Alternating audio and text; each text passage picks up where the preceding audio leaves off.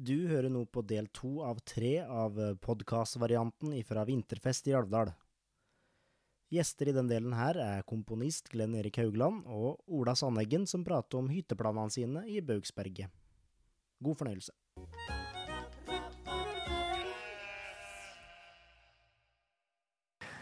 Nå har vi eh, en alvdøl eh, som jobber i NRK, eh, som heter Martin Holmen. Han er jo like gammel som deg, Alvor. Ja, stemmer. Ja.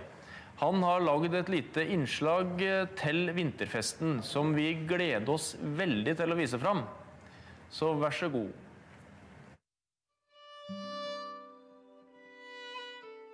Gud bevare alvedøler for januar og februar, da fokksnøen sto rundt gradstokken. Da så han itte mye til kvikksølvkula. Hardest var for dem som var gamle. Solan hadde sjøl sett gubber som var så giktbrøtne at de snakka om seg sjøl i tredje versjon. Slike lå på kammerset, med kattskinn på ryggen og upelsa pus som varmeflaske nede i sengstokken. På krakken lå ofte østlendingen, ferdig lest med stålbriller oppå. Harebikkja holdt til under senga. Den tagg hemningsløst på kjøttben. Det var deprimerende knasing for han som lå med mimrende gommer i sengebenken over. Solan hufsa seg ved tanken på gulvtrekk og ned i Makammers glass. Hosten kom igjen. Det var denne isende snoa langs Glåma i 30 graders kulde. Enda han hadde puter gjennom ullskjerf og takket sin skaper for at han var liten av vekst med minimalt vindfang. Glad han kom fra det med helsa sånn noenlunde. For ut med Glåma sto frostrøyken ut av alt som ånda av liv. Men pent var det. I motlys gnistra snøkrystallene som morild bortetter hele statrua. En Ludvig hadde også lagt merke til disse snøstjernene da han holdt til på Prestenget. Og der var det forresten så kaldt at han måtte holde seg for munnen. Det var på grunn av en tann som var så tander for innadgående luftstrømmer. Det iset, liksom. Nei, Ludvig, han lengta mot våren, han. Når alt begynte å tine, og laga seg stand att. Alt blir bra.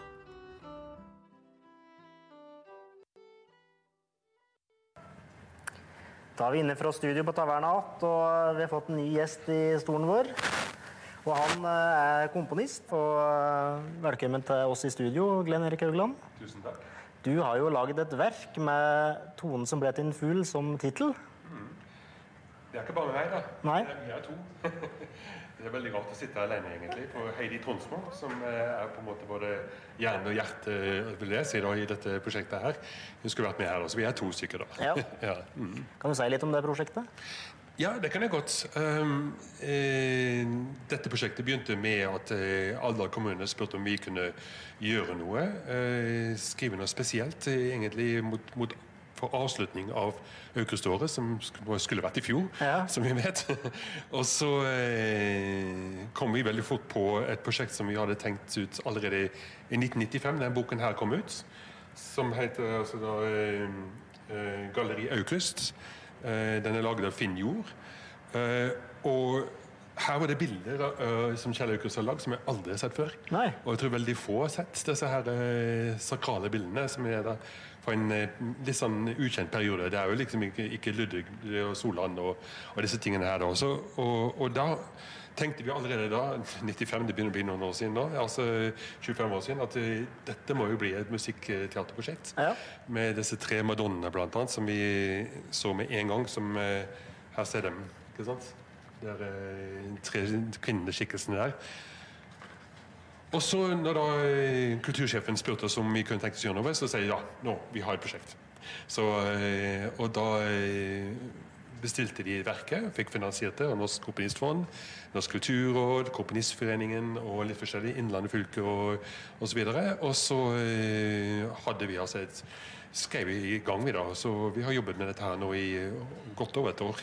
Et og et halvt år, egentlig. Mm. Du sa sakrale bilder. Blir musikken sakral? Eller hvilken type musikk? Ja, eh, ja. Nei, det må jo bli litt av hvert da, når det økes, da. Det, det, er jo, det er jo en eh, Jeg vil jo si at det er en salig blanding av alt mulig rart. Men eh, det er jo en kirkeverk, da.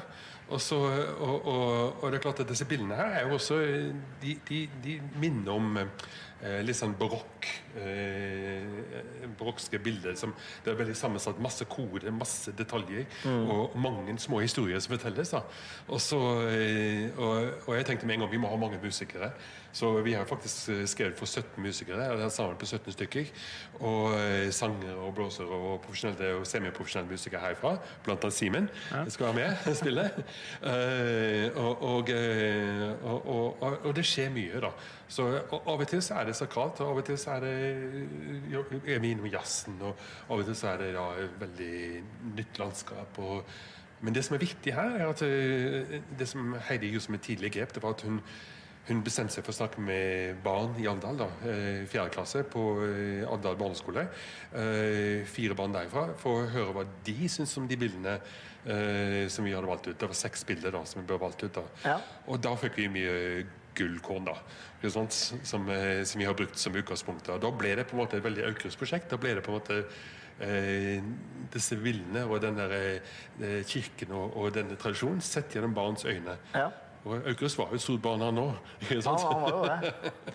så da, eh, også når du da legger på oss, da, som er også litt barnlige, da, så, så føler vi egentlig at dette her er nesten ikke et voksenprosjekt lenger. Jeg vet ikke. Nei, vi hadde jo eh, Vi skulle jo egentlig Jeg er jo, som du sa, med i orkesteret. Vi skulle jo ha noe øving eh, her, men det ble jo et eh, Zoom-møte, faktisk. Uten instrument.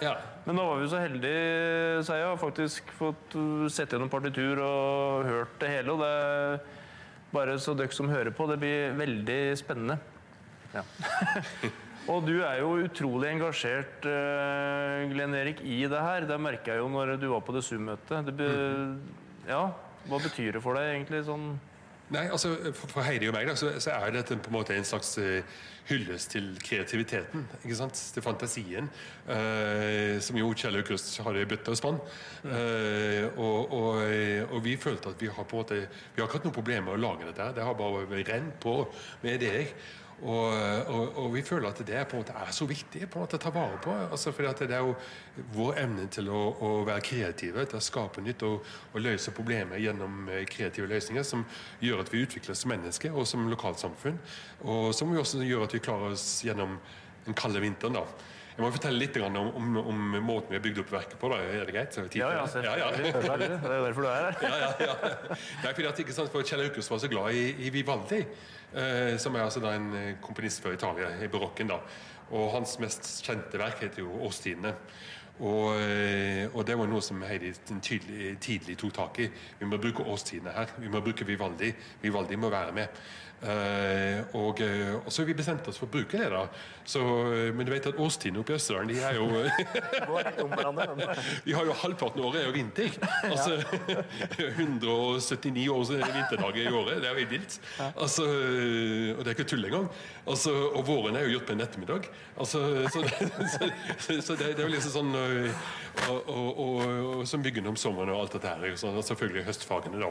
Så, så øh, vi, vi, begynner, vi begynner med kald vinter, og så går vi gjennom årstidene. Vi raser gjennom våren og osv. Og, så kommer vi til bildene da, eh, til Aukrust, og så øh, hører vi eh, ungene. Vi hører dem på live, eh, altså på, i høyttalerne, som opptak som er gjort. Forteller hva de ser. Og de ser jo veldig mye rart. Og så når vi har vært gjennom seks bilder, det er nesten som bilde til en utstilling, ikke sant? Eh, så, så, så kommer vi tilbake til eh, vinteren, og da er den vinteren varm. Varm vinter. Og med det så tenker man kanskje ja, det er klimaendringer, sånn, det kan det kanskje være også, men det er ikke det. Det er mer det hvordan det kommer seg gjennom den kalde vinteren med å tenke på at det blir varmt, varme tider, det blir bedre tider. Og nå i koronaen så er det jo litt sånn. Ikke sant? Det blir bedre tider. Det kommer til å gå bra. Og, ja. og vi, klarer oss, vi klarer oss gjennom dette også.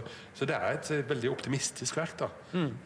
Men, men er det noen grunn til at du snakka om eh, Du starta i 394, var det du sa? Ja. Hvorfor da? da? Da var jo rett før åpning av det som da het Aukrustsenteret og greier. Har det noe med det å gjøre, eller? Nei, det var fordi den boken kom ut da, til Finn Jord. Ja, det var 93. Ja, det var Ja. den boken her rett og slett som gjorde det. Uh, vi fikk tak i den. Altså, eh, så selvfølgelig tenkte vi at vi skulle gjøre, gjøre det her. Ja. Eh, men, uh, Men så hadde vi så mange andre prosjekter på den tiden der at det, det bare kokte bort i kålen. Og det ble ikke tid til det. Så ble det liggende da, i en skuff da, i mange år. Mm. Men jeg er litt nysgjerrig på Før uh, 95, da når du gikk i gang med prosjektet der, hvordan forhold hadde du til Aukrust fra før? Ja, vi har jo bodd her før. Ja. Så, ja, så vi har jo selvfølgelig eh, Vi er veldig glad i hans ting. Jeg syns han er en stor kunstner, ja. rett og slett. Altså, han er virkelig altså, Kanskje ikke vi har sett egentlig hvor stor så, så, hvor god kunstner han var, da. Egentlig, helt som han er det har vært mye Aukrust, og kanskje noen syns det blir litt vel mye Aukrust. Så tenker jeg at eh, det har han fortjent, altså, den plassen der, ja. faktisk. Så, eh, og det aller første vi hadde med han direkte å gjøre, og kanskje det eneste, det var at vi når vi bodde her i 1986 eh, så, så hadde vi, lagde vi en kassett som heter Radio Tynset, som er en reklam, reklamekassett. Så vi lagde reklamesnutter. Og Da skulle vi um, gjøre et innslag for Sparebanken Hedmark, og da hadde de en avtale med Aukrust. Så vi ringte han, og da fikk vi snakket med Edmund Bakken. Ja. Som hadde gått seg vill oppe i Sølvfjellet eh, og skulle lette etter ham. Det var helt hysterisk. Og, og Heidi kom ikke til med et eneste spørsmål. Han bare babla i vei. Dute på. Og det var jo kjempegøy, da. Så det, ja, takk for det. Ferdig innslag. Men åssen er det å sitte og skrive Du, dere har jo bosatt dere. Du er vel ganske engasjert i eh, din eh, grend Pardal her, da? Med mobilforhold og det ene og det andre. Åssen er det å sitte og skrive opp i Sibeldalen? Ja, det er veldig stille. Ja.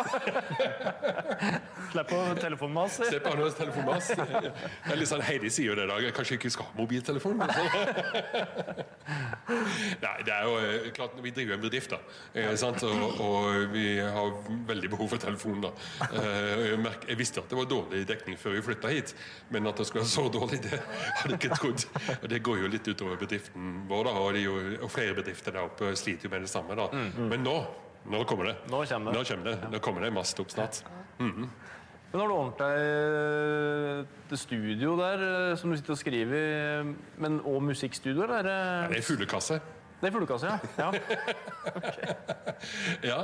Han, eh, Olav vet du, som kom på etterpå, han var med å tegne på den. da. Ja, han, okay. ja, ja, han, eh, han, jobber for Byggservice. da. Så, eh, nei, det var altså, vi, Jeg skulle ha en arbeidsstue. da. Heidi har en arbeidsstue. Ja. Det kaller vi for Tankespinneriet. Vi bor på Spinstad.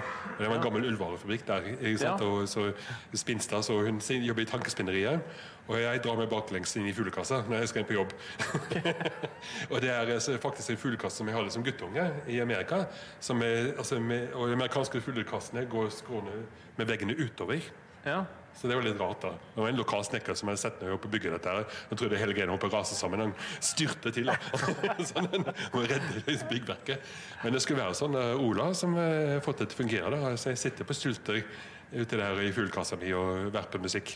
Ja, kanskje vi skal spørre litt Ola om det etterpå, for han kommer jo snart på. Ja, ja. Når huset så et jo, det var et uh, sånn uh, seminar angående Aukrust uh, på Aukrustsenteret. Mm -hmm. Og da hadde jo du et innslag der du satt i studioet ditt med dette runde vinduet bak. Ja. Så tenkte jeg det var så uvant å se runde vinduer i Elvdal. på en måte. Så ja. sånn, det var noe som virkelig la seg på netthinna. Så det var veldig tøft. Så kanskje Kanskje skal anbefale at uh, Byggservice skal begynne å bygge inn uh, runde vinduer. At det blir en sånn trend. Byggtrend.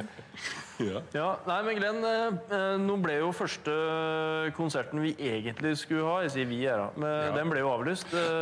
hva er planen framover nå? Nei, nå har vi jo et gryteklart prosjekt, som jeg sier. Altså, nå har vi lagt opp øvelsen. og og vi har lyst til å spille inn verket faktisk på forhånd. da. Så vi gjør en, en, en CD-innspilling tenker vi, i, i, løpet av høsten, som vi kan gi det ut samtidig som vi gjør en omføring som vi tenker da å gjøre om ett år. På vinterfest til neste år. Det er planen da. Vi må selvfølgelig da sette i gang hele produksjonsapparatet på nytt. Vi må refinansiere det. Vi er litt på vei allerede.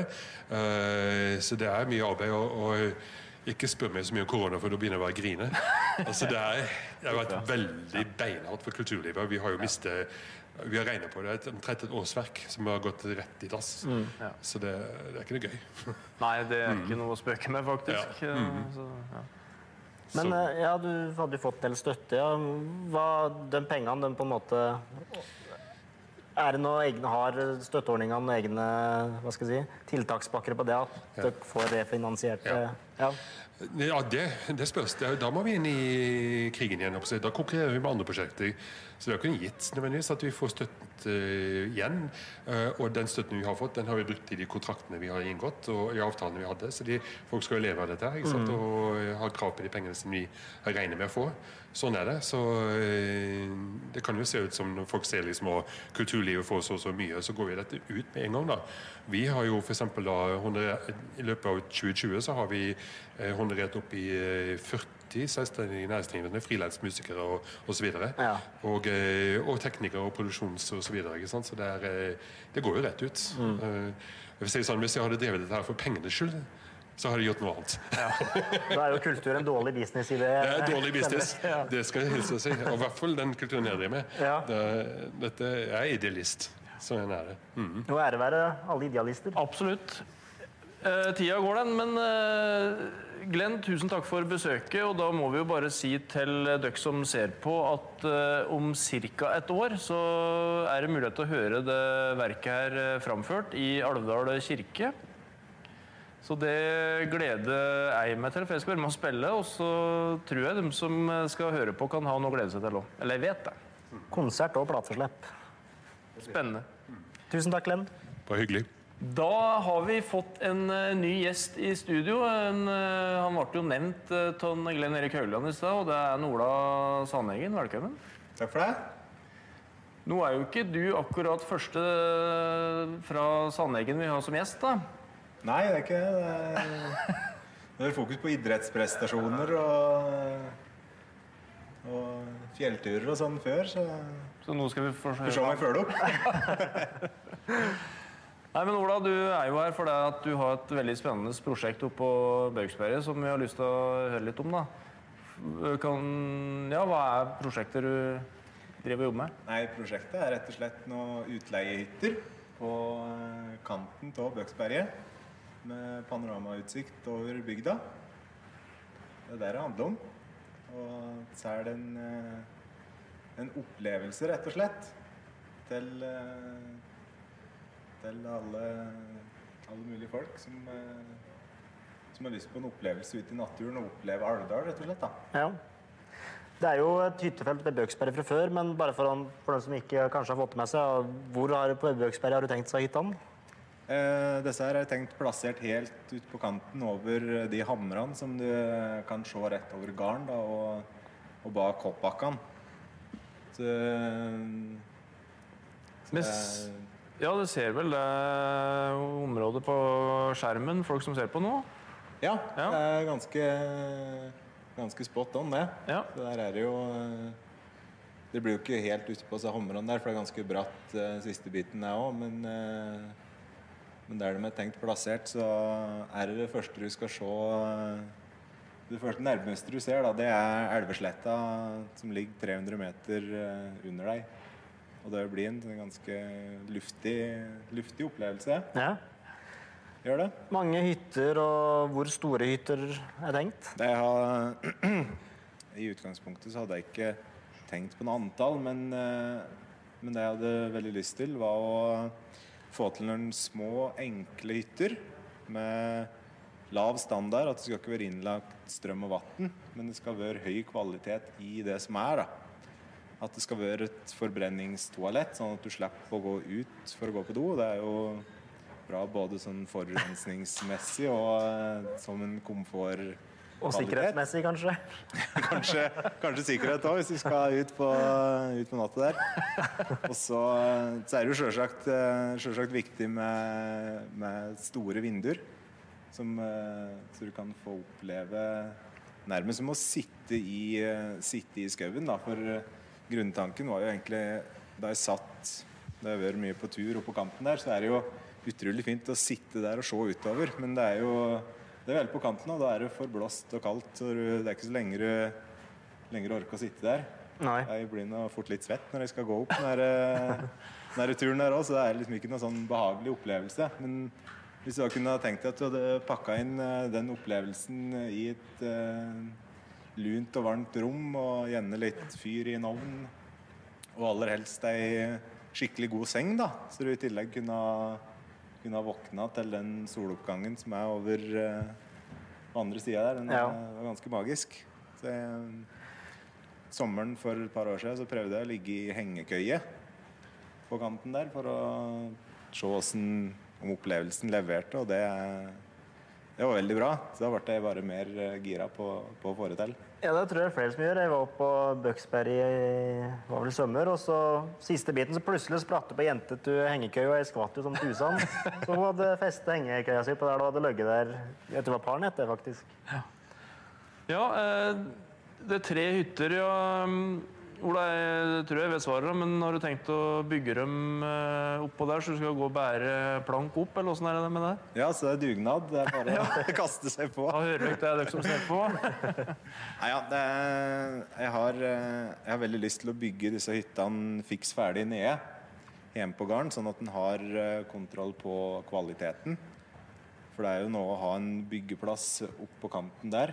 Da må en enten lage seg en vei, og det blir på en måte et et inngrep i, inngrep i naturen som jeg, som jeg gjerne vil unngå. Og det er jo en, et kostnadsspørsmål å ha snekkere til å fly opp dit hver dag for å bygge, bygge hytter. Og så er det jo nå å gå opp dit hver dag for å følge med på det òg. Så, ja.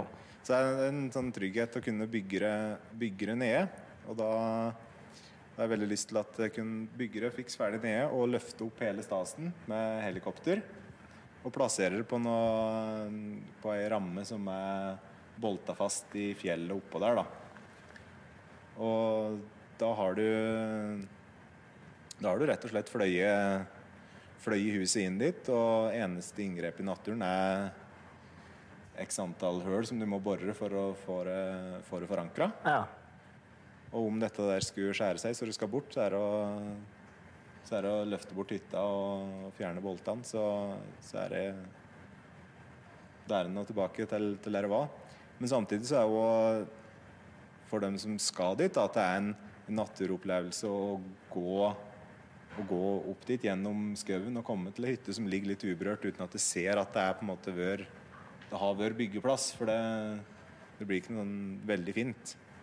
Nei, helt enig i at det der er jo så i tiden, tenker jeg, å gjøre det på den måten der. Ja, det er, det er, jo, det er jo det. Ja. Så, men så er det jo det at hvis du skal ha et, eh, et helikopter til å løfte ei sånn hytte, så blir den jo Selv om man ikke skal være større enn 15-20 kvadrat, for jeg har ikke lyst til at det skal være være noen sånne voldsomme hytter. Det skal være litt som et hotellrom og et rekreasjonsstelle for to eller fire personer. Mm. Men uh, likevel så blir det noe vekt på det. Så det må til et ganske stort helikopter, og det gjorde det litt research på. Det var svindyrt, rett og slett. Så, så, så å fly et helikopter hit for å løfte opp ei hytte, det, det var egentlig håpløst. Og de sa det sjøl, at eh, når de først er, så løfter de opp fem hytter på en time hvis, det, Såpass, ja. hvis alt er klart. Ja. Så, men da har jeg på en måte sett på tre hytter da, som, eh, som et sånt uh, det er jo både investeringsmessig og, og samtidig at en skal få leid ut og få, få drifta det. da. Mm. Men jeg tror at uh, tre hytter på en måte skal være, skal være mulig. Mm. Og da, da, har jeg lyst til at det skal være uh, tre forskjellige hytter. Plassert uh, selvsagt på forskjellig stand, da, men, men, at de har at du har Det er en panoramautsikt der fra nord og sørover Elvedalen der.